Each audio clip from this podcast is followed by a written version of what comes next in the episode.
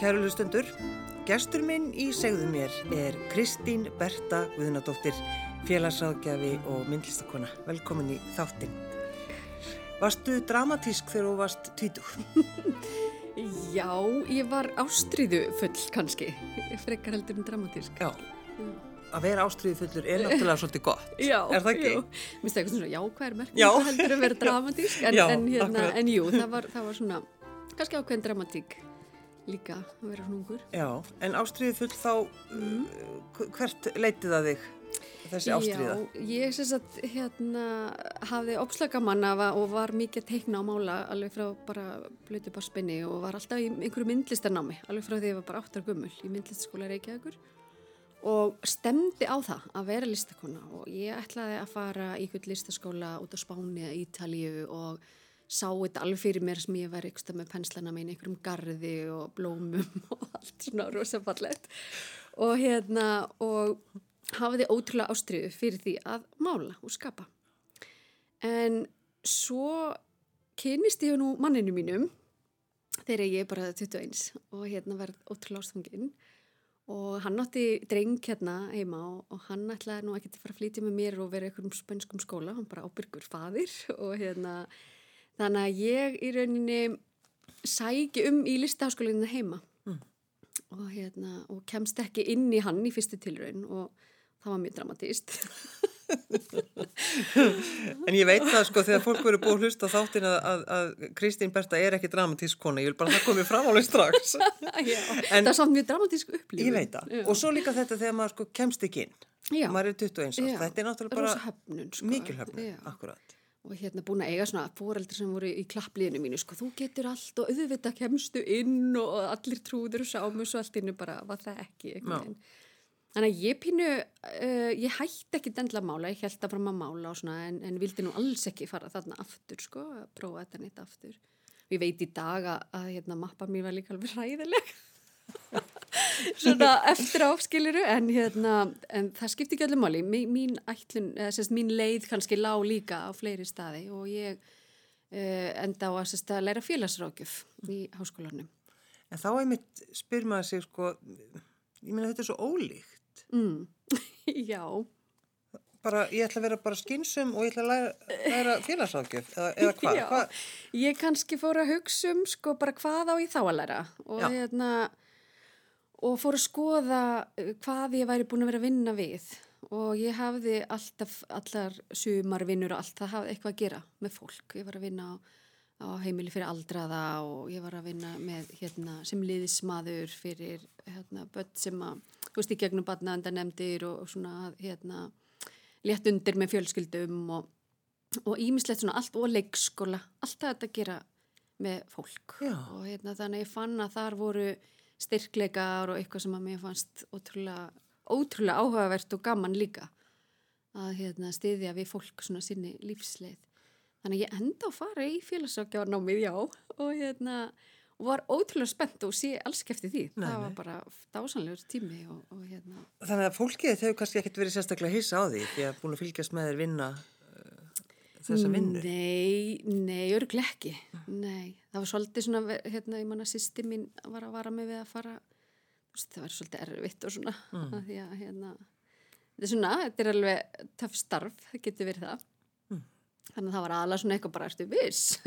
Já. Að, að því að það er, sko, þeir að takast á við alls konar. Já, það er alltaf, já, mjög mikli svona lífsins erfileikar á, á hérna, leið fólks í, í gegnum félagsokja starfa á spítulum og starfa í batnavendir, starfa félagsstjónstum og, og víðar. Þannig að hérna, það er, er að mæta fólki í alls konar, það sem að fólk er í raunin að mæta alls konar áskorunum og stiðja það gegnum það. Og þannig að þú hefur unnið sem félagsrákjafi þá alla tíð eða? Já, síðan 2006, svo bæti ég við mig hérna, námi í fjölskyldumæðferð og hérna, það var sérst, komið með master í því og svo bæti ég nú við mig alls konar líka, jókakennara og einhverju svona þúlir í. En penslarnir og, og Já, hva- hvar eru, eru þeir búin að vera, Já. Kristín Berta? einmitt. Þeir, sko, ég lagði á svona aðeins á hilluna þegar ég eignast hérna, mín börn og var komin á fullt í að vera félagsákjafi og ég hafði svona, ég var alltaf aðeins með ól, ég málaði alltaf í ólíumálingu mm. og hérna og það var alls konar sem fylgdi því, terpentína alls konar svona sem var ekkert stegla batnvænt og ég var bara með herbyggi í búin okkar og, og engan stað kannski beintis að mála og svona þannig að þeir viku svolítið fyrir svona, ég fór að búið til skargripi, þurfti alltaf að hafa einhvern svona farfi fyrir sköpunum, fór að hekla eitthvað smá og læra að prjóna og eitthvað svona, þurfti alltaf að vera eitthvað að gera mm. um, en hætti svolítið, já að mála og hérna og var bara svolítið upptikinn að vera mamma og, og hérna félagsákjafi og, og svona dúla aðeins í skarkribunum með. Dúla aðeins í skarkribunum já, þetta orðaði þannig? Ég þurfti alltaf að hafa eitthvað veist, af eitthvað, eitthvað skapandi sko. það var eitthvað þægilegra að vera með skarkribuna heldur en kannski oljumálverk og smilítið börn En þegar maður er félagsákjafi mm -hmm. og mhm. þarf að takast á við erfileika mm -hmm. hjá öðru fólki, mm -hmm. hvað, hvað gerður til þess að bara svona reynsa hugan þú komst heim til þín? Já, uh, ég var náttúrulega bara að sinna hérna mínum, mínu fjölskyldu og, og, og náttúrulega bara ótrúlega mikið að gera að vera mamma með ung börn mhm. en það sem að, að félagsrákjafar og margir sem er að vinna með erfi mál svona það er bara lögmál að vera í handlisli sjálfur og það er eitthvað sem er, er lagt upp úr í félagsrákjáðanáminu að vera alltaf sjálfur í handlislu Já. þannig að það bæði fyrir svona eigi lífa því þú ert verkværi þinni vinnu eh, en líka fælega þannig að það er eitthvað sem maður gerir bara alltaf og gerir enn. En hérna en ég hafði kannski uh, ekkert á þeim tíma ekkert volið mikið annað ekki allt sem ég er búin að byggja upp í kringum í dag af svona sjálfsrækt en ég og maður munum alltaf leita rosalega mikið í náttúruna og fari opbáslega mikið bara um helgar ykkur starf út að, ganga í náttúrunni. Þannig að það var alltaf til staðar. En hérna en ég leita svo kannski af uh, penslunum aftur. Þegar að hérna, það gerist 2014 ef ég er með ártölu rétt, ég er ekkert svo góðið því. En það er allavega fyrir sjö árum að þá veikist eldri sýsti mín ég sérst yngsta fjórum sískinum og sýstir mín sérst Berdi skrinist með krabba minn og það var rosalega mikið áfall fyrir mig og opuslega nánar. Og hérna og það hristi eitthvað svo upp þetta var alveg krabba minn frá byrjun. Og hérna og hafði drift sér og, og var aggressíft og, og þannig að frá byrjun voru við opuslega hættum að missa hana Var Þetta var lítil von? Var það, Nei, það, það, það var ekki lítil von en þetta var alvarlegt mm. og, hérna, og við heldum alltaf í, í vonina og hún alltaf sérstaklega, hún var algjör, hérna, algjör kraftverka koni í rauninni og í rauninni eftir á að higgja, hún lést þess að í mæ síðaslinum. Það er rauninni eftir á að higgja hefur okkur, okkur verið sagt að það sé ótrúlegt hún hafi náð sjö árum með sitt megin. Já. En hún var ótrúlega bjart sín og það var aldrei búið að annað en að trúa svona á hérna, jákvæðin og bjart sinna. En fyrir mig þarna að vera aðstandandi hennar á, var ég opslarrætt og ég þurfti einhvern veginn að horfast augu við þann ótt að mögulega geta mistana og þetta hrist upp í öllu, öllu mín kerfi og hérna... Þá þarna fyrir sjö árun þegar að, Kristín, þegar að sýstíðin greinist. Já, og ég byrja þá að einhvern veginn að kannski stokka eitthvað svona upp í eigin líf og skoða svolítið eigin líf, hvar er ég, er ég að fullu, er ég að lifa til fulls, er ég hamingisum í mínu starfi og er bara því sem ég er að gera? Og, og einhver partur af mér fannst vant eitthvað sko. Og að því að tala um penslana þá ákvað ég einhvern veginn, æ þú veist það langt ég hef málað, hvað, þú veist nú á ég og ég var með vinnuherbyggi heima sem ég hef ekki, sem var bara fullt af drasli, það var bara gemsla Þannig að ég hafi rauninni algjörlega vanrægt þann þátt sko. Þannig ég fyrir eitthvað... Er svona típist einmitt þegar vinnuherbygg mitt er bara geimsla. Já, einmitt sjálfsrækti mín, það er geimsla. Vatnastólar og eitthvað, þau, veitum bara allt hann. Þannig að ég fer mm. að taka til í vinnuherbygginu mín, byrja á því og ég finn hérna gamla dagbók og ég var ósað mikið, ég var ljóðuræn, ég var að skrifa dagbækur og, og hérna og var svona svolítið hérna, ljóðuræn hluti af mér ykkur listrætt hluti og ég finna þannig dagbökur og, og þar var ég að skrifa, ég fyrir eitthvað að lesa þetta og þar var ég að skrifa sérst að, að við erum góður, ef ég kemst ekki inn í, í, í listaháskólan að þá bara veit ekki hvað að gera og, og hérna af því að ef að ég get ekki skapað að þá get ég ekki andað Já. og það var þetta sem var rosalega dramatíst En þetta, Og svo, hérna- ó, þetta lýsir líka bara, hvað þú ert að hugsa á þessum tíma, þetta Já. er dásamlegt. Og þetta sló mig svolítið að finnast dagbók og lesi þetta, ég myndi ekki eftir að hafa verið svona dramatíst ég myndi ekki alveg eftir að hafa elskað þetta svona mikið að mála þannig að ég hugsaði svolítið bítu, bítu, bítu, hvar er þessi stelpa Já. sem var svo ótrúlega ástrifull að ætla að vera í einhverjum spænskum listaháskóla mála út í garði og svona, með romantískar hugmyndir og, og ég var svolítið svona bítu, hvar er hún? Hvar er þessi hlut af mér? Og ég fór að rifja upp að ég var til dæmis með pensil í hárinu.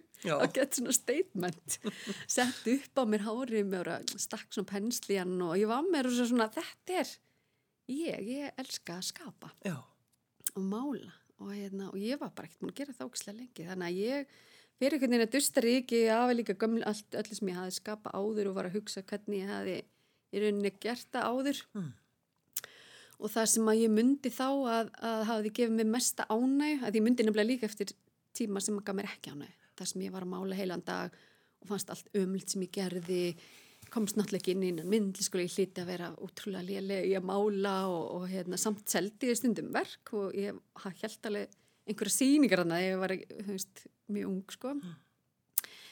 Einhver held ég að sínt verkið mín tvissar eða eitthvað sliðis en einhvern veginn var eitthvað svona óana í bara með mig veginn ekki mikið sjálfströst og ég fyrir eitthvað svona skoða þetta hvað var ég að gera? Og það sem að veitti mér mesta ánægi þegar ég fór skoða við gamlu möppuna mínu svona var þegar ég var bara svona svona fyrir mig. Sati herrbygginu mínu með vasslitina og hafði þennan tíma til að tengjast sjálfur í mér.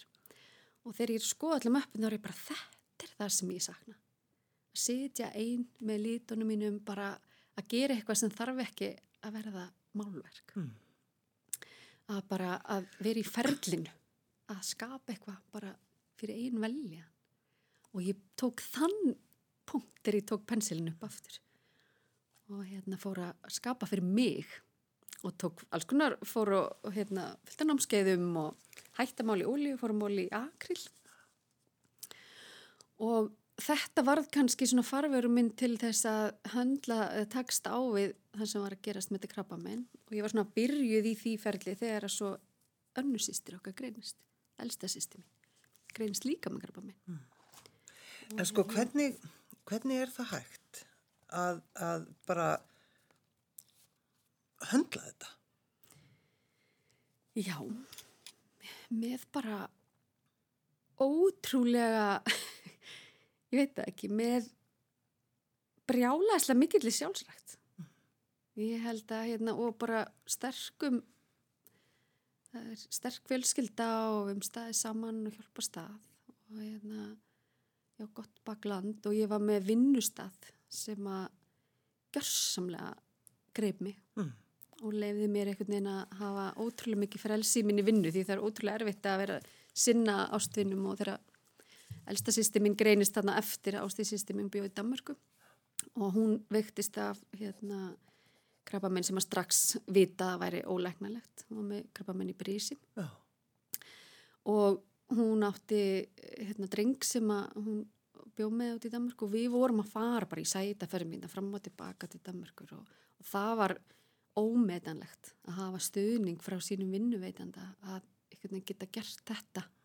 Á þess að vera með samskut sem maður er samt með sko. Já, já, maður er samt með rosalega mikið samskupið En sko, Kristín, Berta, þegar þú, bara þú segir þetta, þú veist, Mhm. hérna, ég á tvær systur sem að dóu krabba minni. Mhm. Ertu svona, getur þú sagt þessa setningu, þú veist, án þess að bara einhvern veginn þurfa að draga djúft andan, eða hvernig, svona, hvernig ertu, hvernig ertu í dag? Nú ætlum ég að dráta upp þandan Já, uh, Ég er náttúrulega í rosalega mikill í sorg. Já, og hérna, ég væri náttúrulega bara að ljúa ef ég segi það ekki. En ég held ágætlega á mér í þessari sorg held ég.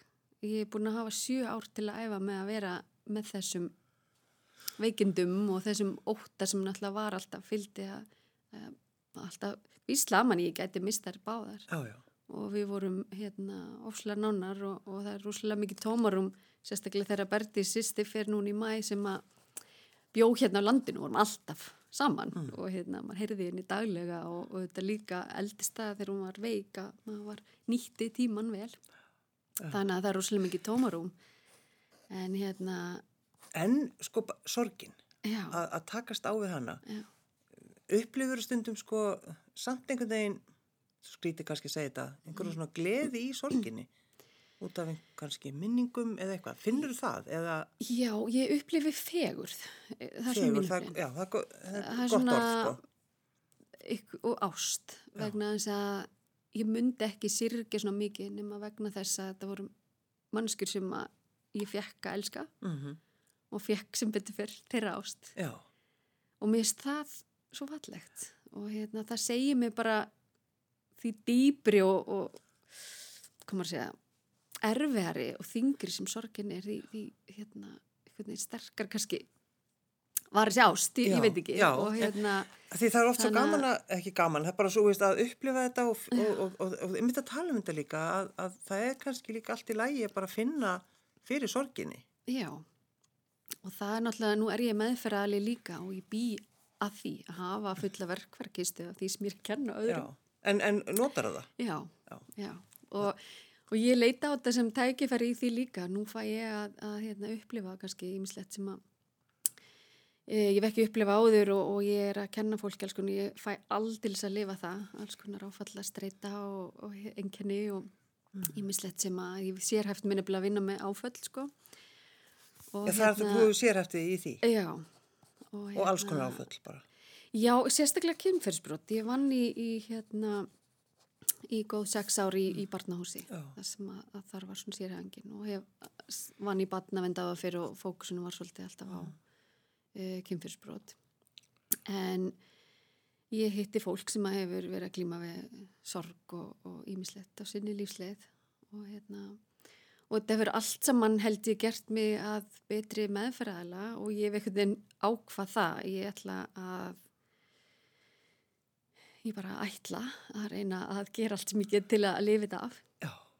og fyrir mér er líka ná í einhverja meiningu með þessu. Að hérna e, mér finnst þegar að þú sko sýsti mínar náðu hvoruar að verða 50 ár sko.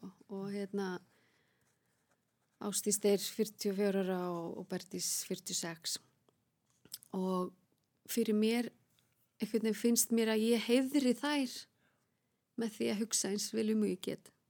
Það er ekkert alltaf auðvelt.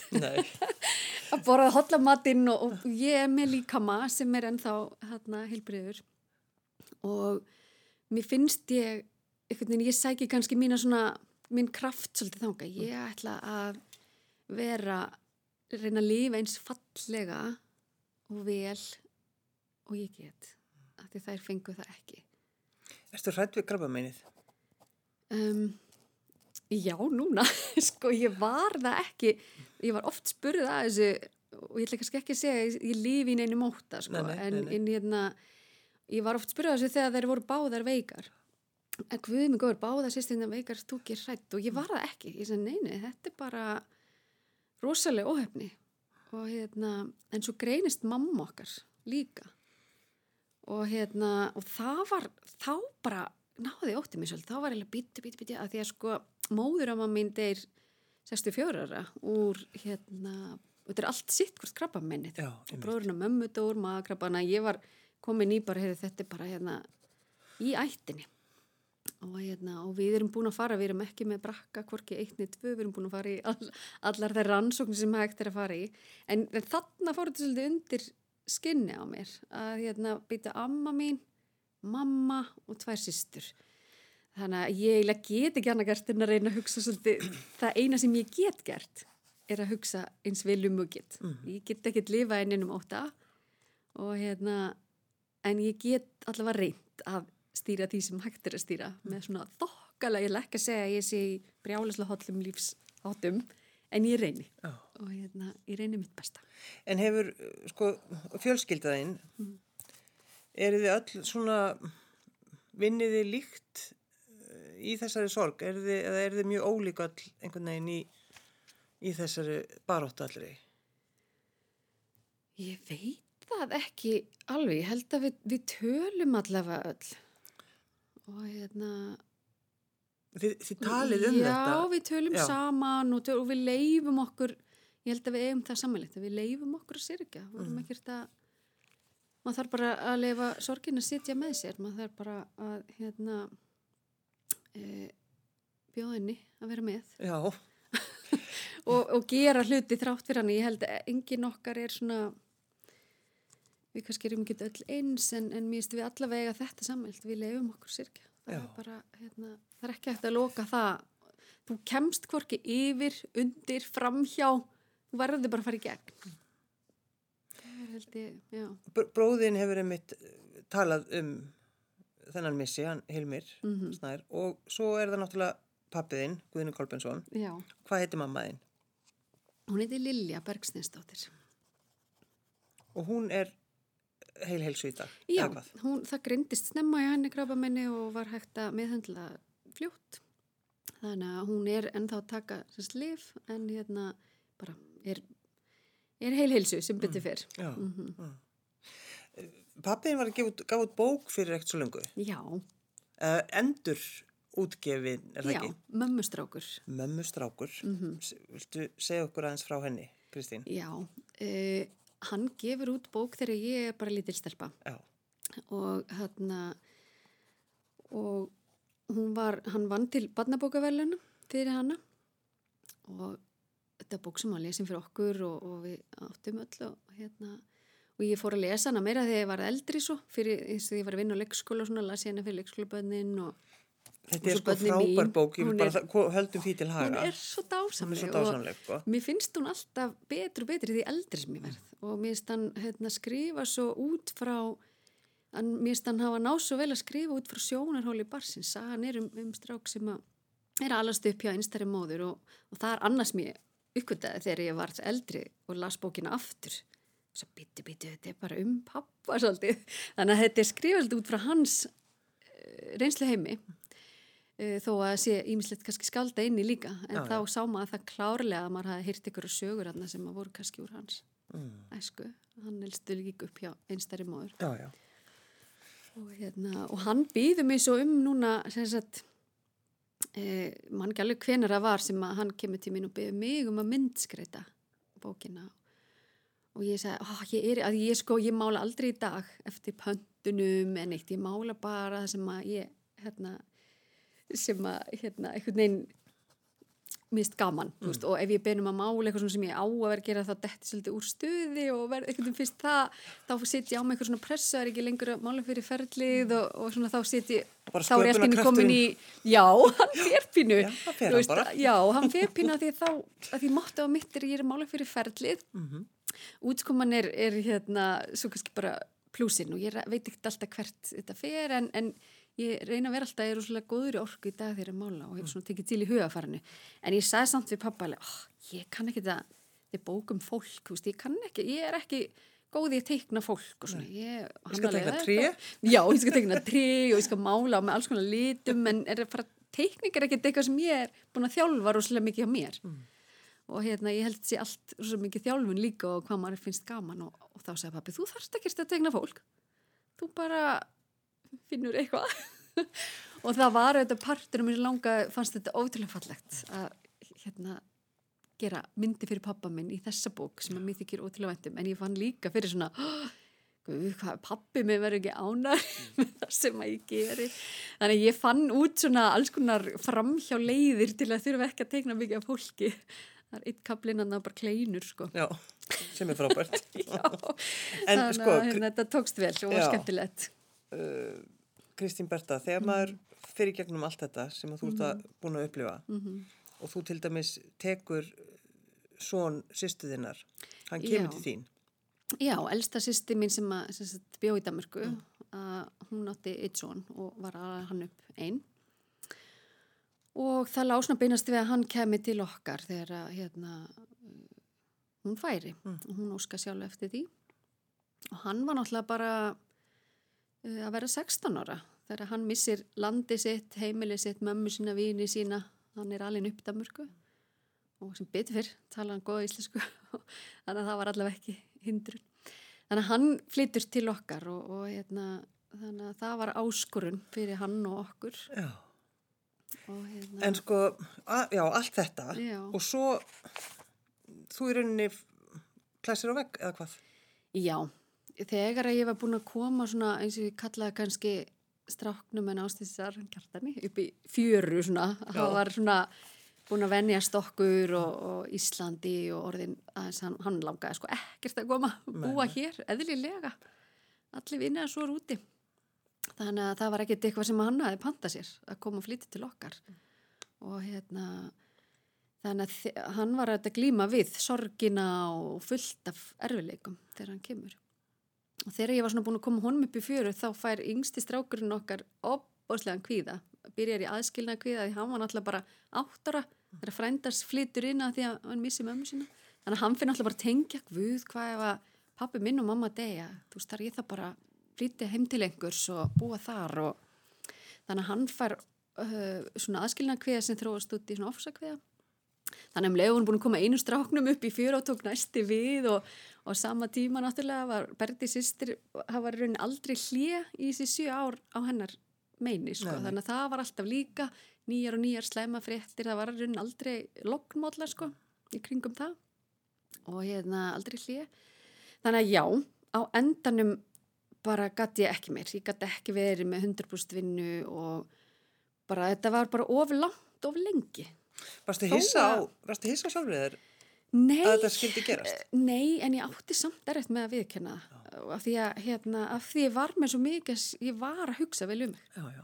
Ég var, ég fór í tvö jógakennaranám bara fyrir mig og fór að stunda jóga og, og hugleyslu og alltaf máli, var rosalega meðut. Og þú að hjálpa fólki og segja því, þú veist, alls konar, ert með Já. allt þetta og Já. svo bara, Og ég var svo meðvitu um að halda á sjálfur mér og ég gerði það ógislega vel í þarna sex ár eða fimm ár, ég man ekki hvernig þetta var sem ég svona krassa, þá bara var þetta bara of langt of lengi og það er ekkert taugakerfi sem að getur það en mér fannst ógislega að viðkenna að ég þyrst að fara í veikindalefi og það komi kannski óvart líka hvað ég var hörð við mig þar. Og ég þurfti alveg nokkra sérfræðinga. Náttúrulega vann ég með ekkert nema áfalla sérfræðingum sem gáttu svona aðeins sagt þér. já, og svo náttúrulega var ég með frábæran trúnaðalækni og frábæra fólk sem bara svona svolítið skipaði mér. Og mér fannst það rúslega þungskref því að mér fannst líka ég elskaði vinnuna mín í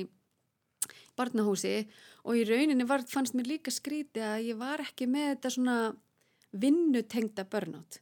Í rauninni var svolítið bara gott að vera í vinnunni af því þar var hérna þar gekk vel, þar var kunna með allt sem ég var að gera og hérna þú og það gekk eitthvað undan mér að, veist, það gekk vel með þá sem að voru að leita tímin í meðferð svo kom maður heim og, og hérna og þar var einhvern veginn alls konar hlutverk hvað var að vera, í- matinn og skuttla þessum hingað og, og náttúrulega hérna krakkarnir voru ekki, nú er ég með tólingar sem er ung, ungmenni sem eru komið bílpróf. Þeim tíma voru þau það ekki og, og strákunum sýstu minn er ekki með bílpróf komið frá Danmörku og við búum ykkur hverfi sem gengur ekki svo stræt og upp í og þú veist og maður var ykkur skuttli og hérna það var svo mikið, mörg hodna lítið þannig að stundu var bara svona langaði mig bara að vera í vinnunni bara, ég ætla bara að vera hér til sjö ég þarf því miður að vinna.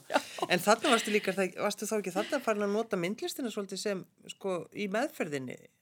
Jú, sko ég í rauninni Þú varst á góðum stað í vinnunni. akkurat. Ég var á góðum stað að vinnunni en, en ég gæti náttúrulega, ég gæti bara ekki taldi á öllum þessum boltum, 100% vinnu að vinna með áföll fólks, pluss hérna, þessu stóra heimili, pluss veikindum sem að heldur ennþá áfram mamma greinist og það var svolítið vendipunktur um mér að mamma greinist, þá fæ ég þá allt í nöðu nær svona kvíði mér sko, einmitt þess að ég var að segja á hana þá að því að amma hafi dáið líka hérna, 64 ára og svo allt í nöðu allar konur á undan mér hérna og báða sýsti mínar búin að fá krabba minn og þannig að það, það fer allt svona undir skinni hjá mér. Já. og hérna en, en ég stopna sérst að því sko, ég veit ekki stundum hvernig ég er búin að fara að þessu en ég fer í, ég fer í á þessum árum, þú veist, það fer ég tvö jógakennarnám fyrir mig, bara til þess að, hlúa mér, en ég fer líka og læri það sem að heitir listsköpum ásetningi. Og ég læri það í skóla í nýju mánuði hjá konu sem heitir Sæl og Sofía, þetta heitir Intentional Creativity. Og það var svona staðgengil minn kannski fyrir að, að því að einhverstar hafði ég auðvitað viljað samin þetta, þú veist, mér hafði kannski langað að læra uh, listmeðferð. En af því að ég hafði ekki huga á að rífa allu upp og fara, þetta var bara kert erlendi sko, það er ekki kent listmeðferðin í Íslandi mm. að þá kom það einhvern veginn aldrei til greina. Þannig en þetta nám kom einhvern veginn ótrúlega upp í eftir einhverja, ég veit ekki alveg hvernig það dætti hendunar á mér. En þar er verið að skapa list fyrir sálina fyrir andan og til að skapa lífið sitt svolítið, sitta nýr ásetning þetta er ótrúlega skemmtilegt sitta nýr ásetning og skapa svo listina í, í kringu það. Og ásetning kannski fyrir eitthvað sem þú vilt laða fram í lífið eða hvernig þú vilt lifa því. Og, og mála svo yfir ásetningir þú skrifar hann á þetta er bara, þetta var ótrúlega umbreytandi. Já Hérna, Þannig að þetta og, hjálpar þér? Já, þetta gerir það og ég var mjög hissa hvað hva áhrifamáttur hérna, þess að skapa var í rauninni mikil þegar ég fyrir þetta nám þá var ekki alveg vissum að ég dróst því. Ég vissi ekki alveg okkur ég var aðna það var ekki eitthvað svona viðukjönt akademist nám sko, alls ekki. Það var meira svona einhverjar sjamankonur með trómur og, og verið, þú veist, þetta var svona eitthvað að ég var alveg, já, ok. Já, en ég dróst að þessu. ég dróst að þessu og hérna, og við máliðum svona og í rauninu var líka sumt af þessu myndi maður á meðferðarvinnu að það, það var verið að vinna með parta af sér eins og lista sjálfið þitt og, og ég sem meðferðarli með áfallevinnu við vinnum stundur líka með svona hluta af það getur verið barnaparturinn eða hvað það er sem er svona hluta af þér. Þannig að ég var til dæmis að mála innri röttina mína og sættast við hana og fara að tala fallegar til mín og það var ótrúlega og það hafði ótrúlega umbreytand áhrif og ég var kannski svolítið hissa líka á því Þannig að þá langaði með að stopna fyrirtæki sem ég geti kent svona þessi námskeið og, og fleiri hugmyndir sem ég var með. Og stopnaði fyrirtæki Sálalist sem er utanum öll mín höfrefn hvort sem það er hérna, djúpslökunar jóka eða myndlistakensla sem er sem sagt, sé ég er ekki að kenna myndlist heldur að skapa fyrir hérna skapa í núvitund, skapa með ásetningi, skapa fyrir sjálfa þig til að leifa bara til þess að næra sköpunarkraftin. Sálarlist, mm. líka bara orðið sjálf, það er bara einhvern veginn, tekur utanum hann svolítið. Já, og ég fatt ekki fyrir en eftir að þegar ég fór að kenna, sko, fyrsta, ég var með svona rafrænt námskeið fyrir árið síðan sem að hétt Mála fyrir hjart og sál. þar sem að við vorum fullkomlega í rauninni að vinna bara með hugafari til eigin listsköpunar, að bara þurfi ekki að vera með fyrirfram gefna hugmyndum einhverju útkomu. Það heldur bara að leifa sér að leika sér, ná í sköpunarkraftin frá því varst barn og bara hafa gaman, gefa sér leifi til að mála þó ætlir ekki vera með listagráðu eða, eða svona, við erum með svo marga rattir sem við erum banna okkur að, að fara í einhverju átt í listsköpuna því að við erum ekki með hæfileika uh mhm. -huh. eða það er einhverju aðri sem eru með hæfileika af því ég fór ekki myndlistskóla, þá má ég ekki gera þetta, ég er liðiði eða hvað það er og, og þarna, þarna kom svona í ljósa við vorum að, að búa til okkar sálarlist. Og þá hugsaði já það er, það, það er svo list sem ég sótt í þarna sittum ein með sjálfur mér og þetta er sálarlistin. Mm. þannig að ég skapa miklu meira þannig heldur en málverk sem ég svo í dag sel en sálarlistin leiti mig að því. Þannig að með því að við halda sköpunarkraftinum sem er bara fyrir mér svona lífs bara orka sem er inn í okkur öllum með því að viðhalda sköpunarkraftinu með sálalistinni sem er bara kannski í litla dagbók eða einhverju litlar eitthvað dútt sko. Eitthvað dútt. Já, það er sálalistin, þú getur lokað hana bara inn í bók, þú þarfst ekki að sína neinum og þarfst ekki, það er engar kröfur að þú ert bara fá að vera til með þér og tjá þig. Og hérna og þú getur bara lokað það í bók, þarfst ekki að gera neitt við það og þú mátt það þú mátt sitta og eigða hérna, og ég ætla ekki eins og nota þetta orð eigða, þú mátt gefa Nei, þér tíma til þess að gera þetta. En það er fullt af fólki sem finnst að vera einmitt að eigða tíma af því að það er ekki með hæfileika. Akkur eftir að vera eigða þremu klukkutími með máli eitthvað sem er bara krafs og við vorum að vinna með þetta. Og í dag er ég með hópa af, af konum, það hafa alveg konur sem hafa fyllt mér í þessu sem eru ennþá að skapa sína sálalist og, og eru Mersi búin að vaksa smá sem er bara óhendur bónus einu er svona farin að selja smá af sínu sinni sálalist og hérna, þannig að það er bara eitthvað sem kannski kemur með og kom með hjá mér svolítið líka mm. ég fór alltaf inn að uh, samþykja mína list miklu meira og mála miklu meira og í dag sel ég verkið mín líka. Á uh, þeir sem vilja sjá, sem eru hlustaði núna, Kristín Berta, það er að kíkja á þetta á Apollo Art mm -hmm. og þú ert að selja náttúrulega líka út af bleika, bleika óttúbörnum. Já. Ártu að já. selja málverk. Ég er með, segðis að ég var með fjögverk, eitt af þeim er farið. Mér langaði óbúslega til að styrka bleika óttúbör og fyrir tveimur árum þá, þá málaði ég rosalega mikið trjámyndum. Mm.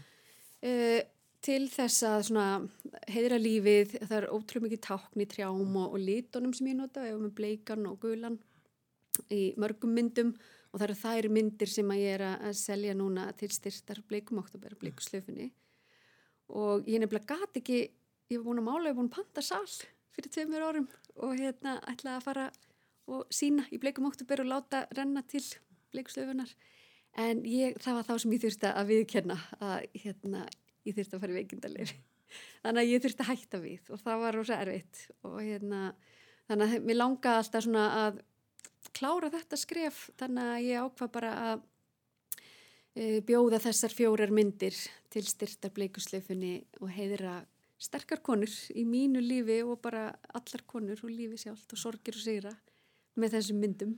Og hérna, þær eru inn á Appalvart Kristín Berta Guðnadóttir, félagsáðgjafi og myndlistakona. Takk fyrir að koma. Takk fyrir mig. Allt mitt líf legg ég að fótum